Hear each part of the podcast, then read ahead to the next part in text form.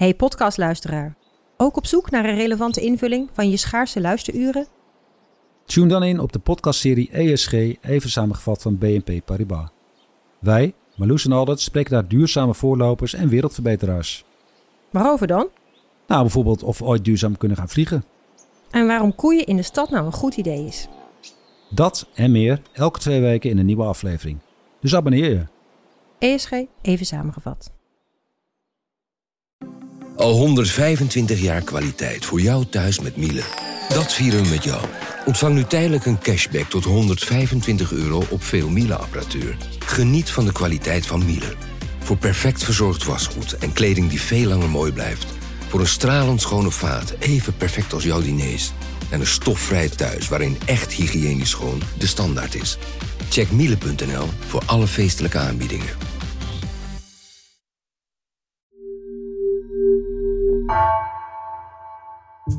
Vanaf de redactie van NRC het verhaal van vandaag. Mijn naam is Floor Boon.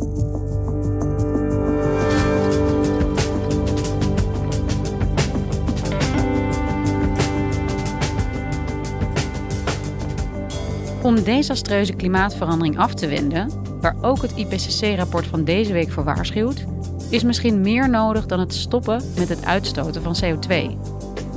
Steeds vaker klinken de mogelijkheden van geoengineering. Technologieën die ingrijpen in het klimaat om de opwarming van de aarde tot stilstand te brengen of zelfs om te keren. Wetenschapsredacteur Laura Wismans vertelt over de mogelijkheden en over de grote risico's.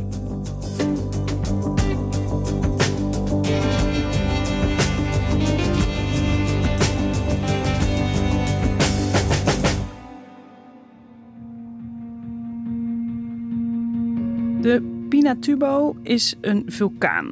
Hij ligt op het Filipijnse eiland Luzon, ongeveer 90 kilometer ten noordwesten van Manila. En tot 1991 was dit een vrij onopvallende berg. Uh, groen, veel begroeid, bomen erop. Maar in 1991 begon het te rommelen onder die vulkaan. Eerst met wat kleine aardbevingen. Toen kwamen er ook langzaam stukken as uit die vulkaan. Dit is Brandpunt. Goedenavond. We beginnen in de Filipijnen. Daar staat de vulkaan Pinatubo op het punt van exploderen. Volgens deskundigen moeten 1 miljoen omwonenden in het gebied worden geëvacueerd. Stoom, stof en uh, heel veel zwaveldioxide uh, ja, steeg daaruit op. If that's, uh, that's coming up out of the ground, uh, we've got a, we got a serious problem. Uit metingen blijkt dat die uitstoot van die zwaveldioxide toenam van in half mei was dat uh, 500 ton per dag. Eind mei was het al 5000 ton per dag. En in juni barstte deze vulkaan daadwerkelijk uit. Explosies met askolommen tot vele kilometers uh, uh, de atmosfeer en de stratosfeer in. Aan de telefoon hebben we correspondent Frans Nijhoff. Frans, op de beelden hier zien we dat er permanent een dikke stofregen op uh, Manila neerdaalt. Wat voor spul is het en wat merk je er zelf van? Ja, dit is vulkanische as die door die vulkaan wordt uitgespuwd. 30 kilometer hoog maar liefst. Komt die as terecht in de stratosfeer en dwarrelt dan als het ware over een groot deel van de Filipijnen weer naar beneden. En er zijn zelfs berichten dat in Vietnam deze as is terechtgekomen. En uiteindelijk is er 20 miljoen kilo zwaveldioxide in de stratosfeer terechtgekomen. Je kunt je voorstellen, het was toen dus donker in die regio. Er was geen, uh, geen zonlicht, kwam meer door deze wolk heen. En dat had niet alleen maar op die plek effect. Uiteindelijk is deze aswolk heeft zich verspreid over heel de aarde. Want dat gebeurt in de stratosfeer. Daar zijn uh, windstromingen die zorgen dat wat daar gebeurt eigenlijk over de hele aarde uitwaaiert. En het gevolg van deze uitbarsting was dat een jaar lang de temperatuur op de hele aarde een halve graad is gedaald. Ongelooflijk. Ja. En waarom vertel je dit verhaal? Deze uh, vulkaanuitbarsting en eigenlijk andere vulkaanuitbarstingen ook, maar deze is het meest concreet, biedt wetenschappers inspiratie omdat dit misschien wel een oplossing kan zijn voor de opwarming van de aarde. Zwaveldeeltjes in de stratosfeer verspreiden over de hele aarde kan misschien wel de temperatuur op aarde afkoelen. Dat heeft deze vulkaanuitbarsting laten zien. Het is een van de strategieën waarover wordt nagedacht door onder meer wetenschappers om ja, klimaatverandering tegen te gaan. En de brede term daarvoor is geoengineering of klimaatmodificatie in een wat mooiere uh, Nederlandse term. Ja, en misschien stevenen we wel uh, op zoveel opwarming af dat we het daadwerkelijk nodig gaan hebben, zulke technofixes, zoals het ook wel genoemd wordt. Wat moet ik me allemaal precies voorstellen bij geoengineering? Ja, dat gaat over veel meer dan alleen deze techniek. Dit wordt trouwens uh, stratosfeerinjectie genoemd. Goed om even uh, te noemen. Maar geoengineering is, is een verzamelterm voor veel meer technologieën die ingrijpen in het klimaat. Met als doel de opwarming van de aarde tot stilstand te brengen of zelfs om te keren. Je hebt ze in twee smaken. Uh, CO2 uit de lucht halen is de een. Dat is, staat bekend onder de term Carbon Dioxide Removal of CDR. Uh, en de andere is zonnestralen terugkaatsen. Dat wordt Solar Radiation Management of SRM genoemd. En nou, bij die eerste, CO2 uit de lucht halen, moet je denken aan bomen planten. Het vermalen van het gesteente olivijn, dat bij verwering veel CO2 opneemt en vastlegt ook. Uh, of uh, aan grote stofzuigers bouwen die CO2 uit de lucht zuigen. En dan die opgevangen CO2 in bijvoorbeeld lege gasvelden spuiten. Nou, dat zijn een beetje manieren om, om um, ja, de atmosfeer schoon te maken. En die andere, het uh, stralingsmanagement. Daar, gaat dus uh, die vulkaanuitbarsting simuleren. Maar je kunt ook bijvoorbeeld uh, wolken witter maken. Of eigenlijk reflectiever maken. Daar gaat de TU Delft samen met Cambridge bijvoorbeeld uh, onderzoek naar doen. Zodat ze meer zonlicht terugkaatsen. Ja, ja, daar gaat het om. De hoop van deze verzameling technologieën is dat er minder straling het aardoppervlak bereikt en dat het dus minder uh, warm wordt. En dat uh, ja, de broeikasgassen minder hun werk kunnen doen. Uh, maken is er één. En een heel megalomaan plan is een heel groot schild in de ruimte bouwen van allerlei ruimtespiegels die ja, ergens tussen zon en aarde, dus ver voordat het het aardoppervlak bereikt, die daar de straling weer kaatsen. En vorige maand schreef ik nog een stukje over een onderzoek dat ging over het vergruizen van van de maan. En dat via uh, ja, banen uh, ook op zo'n plek brengen ja, waar het effectief gezien uh, zonlicht tegenhoudt. Ja, gigantische megalomane plannen zijn dat. Ja, het klinkt best wel science fiction eigenlijk, als je het zo zegt. Welke techniek heeft op dit moment het meest potentie om ook echt iets te gaan doen? Ja, misschien goed even te noemen dat CO2 uit de lucht halen is de één. Dat is uh, zelfs ook al meegenomen in veel modellen van het uh, IPCC. Maar als het over geoengineering gaat en vooral ook de negatieve dingen daarvan, dan gaat het vooral over dat stralingsmanagement.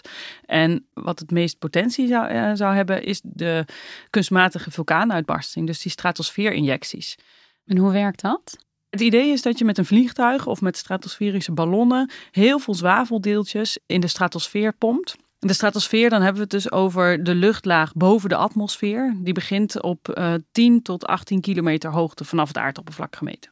Dat doe je in de tropen. En dan door de, ja, de, de winden in de stratosfeer verspreidt dat zich langzaam over, uh, over de hele aarde. Dus het heeft echt een wereldwijd effect als je dat doet.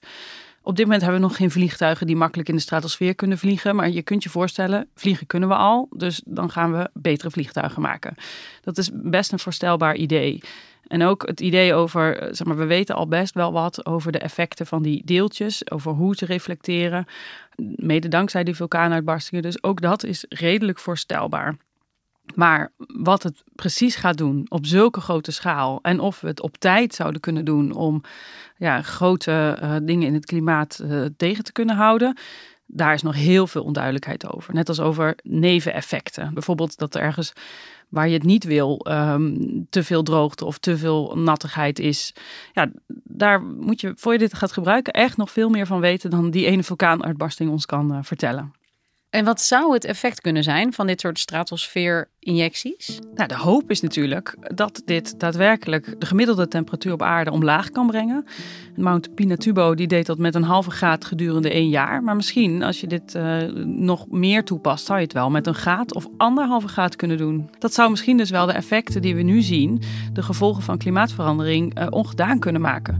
Dus misschien wel het smelten van de ijskappen tot stilstand brengen, zeespiegelstijging tegenhouden, vloedgolven en droogte, wat we nu allemaal zien, ja, tegen kunnen houden of niet laten gebeuren eigenlijk vooral. Het klinkt in alle eerlijkheid best wel fantastisch eigenlijk, ook als je het zo noemt. Hè? En een soort noodrem. Uh, zeker omdat het er vooralsnog niet echt heel erg naar uitziet dat het verminderen van die CO2-uitstoot op korte termijn gaat lukken. Nou, niet echt. Nee, absoluut niet. Het gaat allemaal trager dan iedereen beloofd heeft, trager dan we willen. Dus eh, ja, het doel raakt steeds verder uit beeld. Dus ja, de kans wordt wat dat betreft groter dat we het daadwerkelijk nodig gaan hebben. En uh, ja. Moeten we daar dan niet veel meer onderzoek naar doen? Ja, dat dacht ik eerst ook altijd. Hier moet je zoveel mogelijk van weten, want als je het dan nodig hebt, dan kun je het zo slim mogelijk inzetten. Dan weten we uh, waar je het het beste de lucht in kan doen, um, met hoeveel, hoeveel tegelijk, um, hoe lang het aan moet houden. Nou ja, dan weet je gewoon met meer zekerheid wat je wel en wat je niet kunt doen. Maar ja, je voelt hem al aankomen. Zo eenvoudig is het natuurlijk niet. Onlangs heb ik een gesprek gevoerd met twee wetenschappers van de Universiteit Utrecht, waarvan de een denkt en vindt Ga zoveel mogelijk onderzoeken, uh, want mocht je het nodig hebben, dan wil je zoveel mogelijk weten. Je hebt ook een, uh, misschien een brandverzekering voor je huis, ook al is de kans dat jouw huis in de fik gaat klein. Mm -hmm. Dus uh, het is niet alleen de, de voorspelling gaan we het halen of niet, maar ook is er een kans dat we het niet gaan halen en wat moeten we daarmee? Ja, we horen hier Claudia Wieners. Zij is klimaatfysicus en zij doet modelonderzoek naar onder meer stratosfeerinjecties. Maar de ander die zegt, ho ho, doe dat niet, want alleen al onderzoek ernaar doen zorgt dat de aarde verder zal opwarmen. En het is onuitvoerbaar. Dit is dus precies het soort misleidende metafoor die, waar ik heel veel moeite mee heb. Want een brandverzekering aan zich zorgt er niet voor dat je meer kans hebt dat je huis in de fik steekt. Dit is Jeroen Ome. Hij is politicoloog en socioloog en doet onderzoek naar de bestuurlijke en sociale kant uh, van klimaatmodificatie. En hij is tegen het doen van meer onderzoek uh, hiernaar. Een van de belangrijkste dingen die hij inbracht in de discussie was dat alleen al het doen van onderzoek afleidt van het verminderen van de uitstoot. De klassieke angst is dat mensen daardoor minder aan uitstootvermindering gaan doen. De twee dingen waar ik heel erg zorgen om maak is aan de ene kant hebben we een politiek en economisch systeem wat heel erg geneigd is om te kijken naar dit soort oplossingen. Ze impliciet in beleid meeneemt voordat ze eigenlijk er klaar voor zijn. Dat, ja. is, dat is mijn angst. Dat is de ene kant. En de andere kant is uh, waarom ik denk dat het een heel erg grote zorg is. Omdat het ook gewoon gebruikt kan worden voor volksmennen. Dat bij wijze van spreken iemand als Donald Trump gaat zeggen: We hoeven niks te doen aan klimaatverandering. We hebben SRM. Uh, don't worry. En dat. Ga maar slapen. Precies.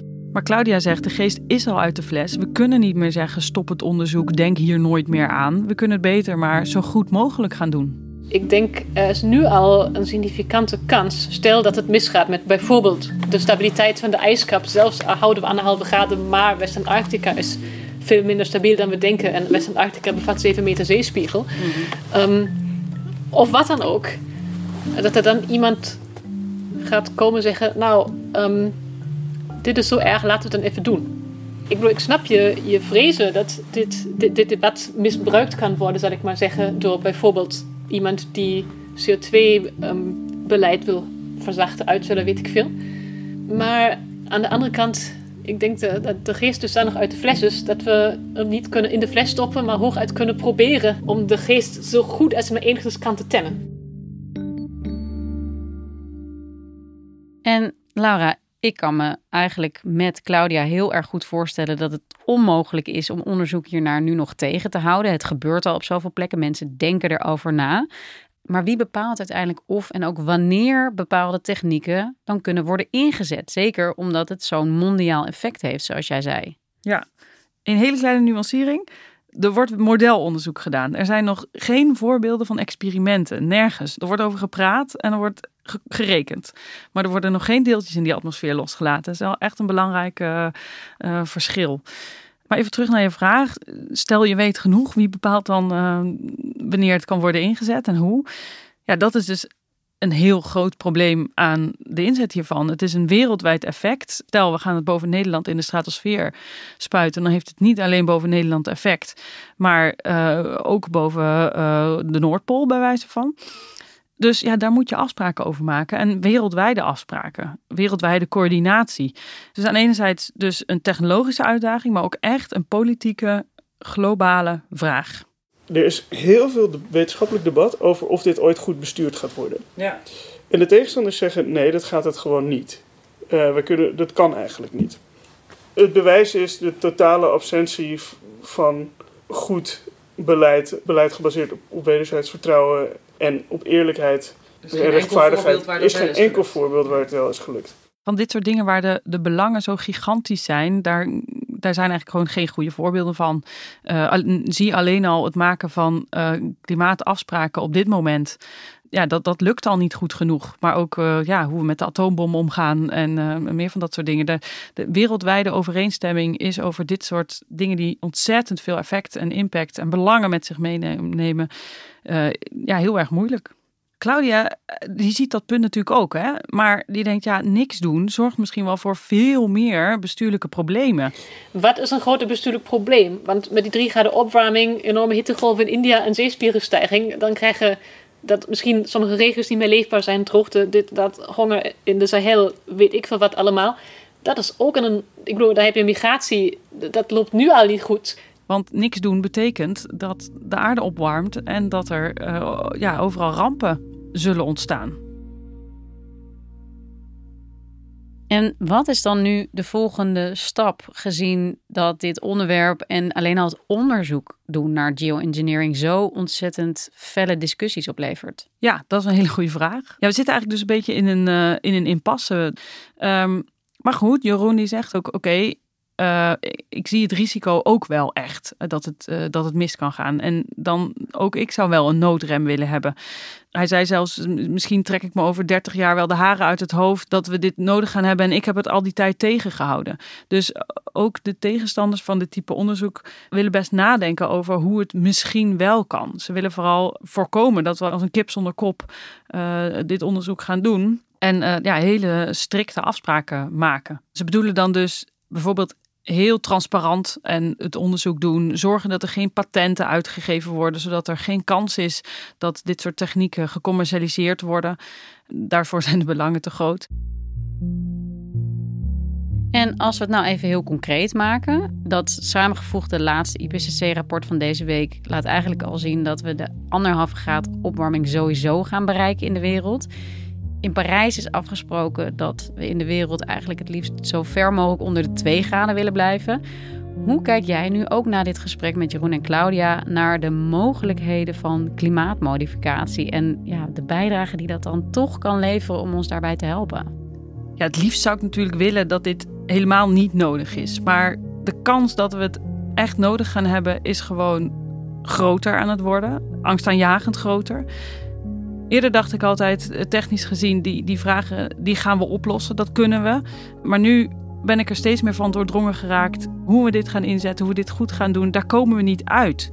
De wereld kan hierover niet eh, in overeenstemming komen. En ja, daar krijg ik eh, wel steeds meer buikpijn van.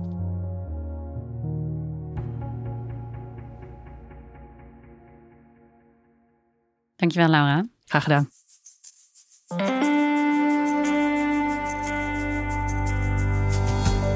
Je luisterde naar vandaag, een podcast van NRC.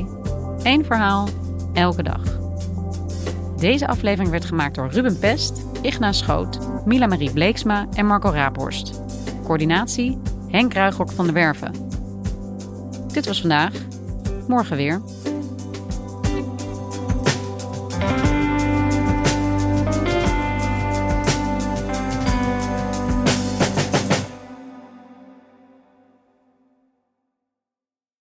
Voorkom dat je vermogen verdampt op je bankrekening. Beleg bij Bridgefund in kortlopende leningen aan Nederlandse MKB'ers. Inleg vanaf 100.000 euro en rendement tot wel 5,25% per jaar. Bridgefund. Make money smile. Let op, u belegt buiten AFM-toezicht. Geen prospectusplicht voor deze activiteit.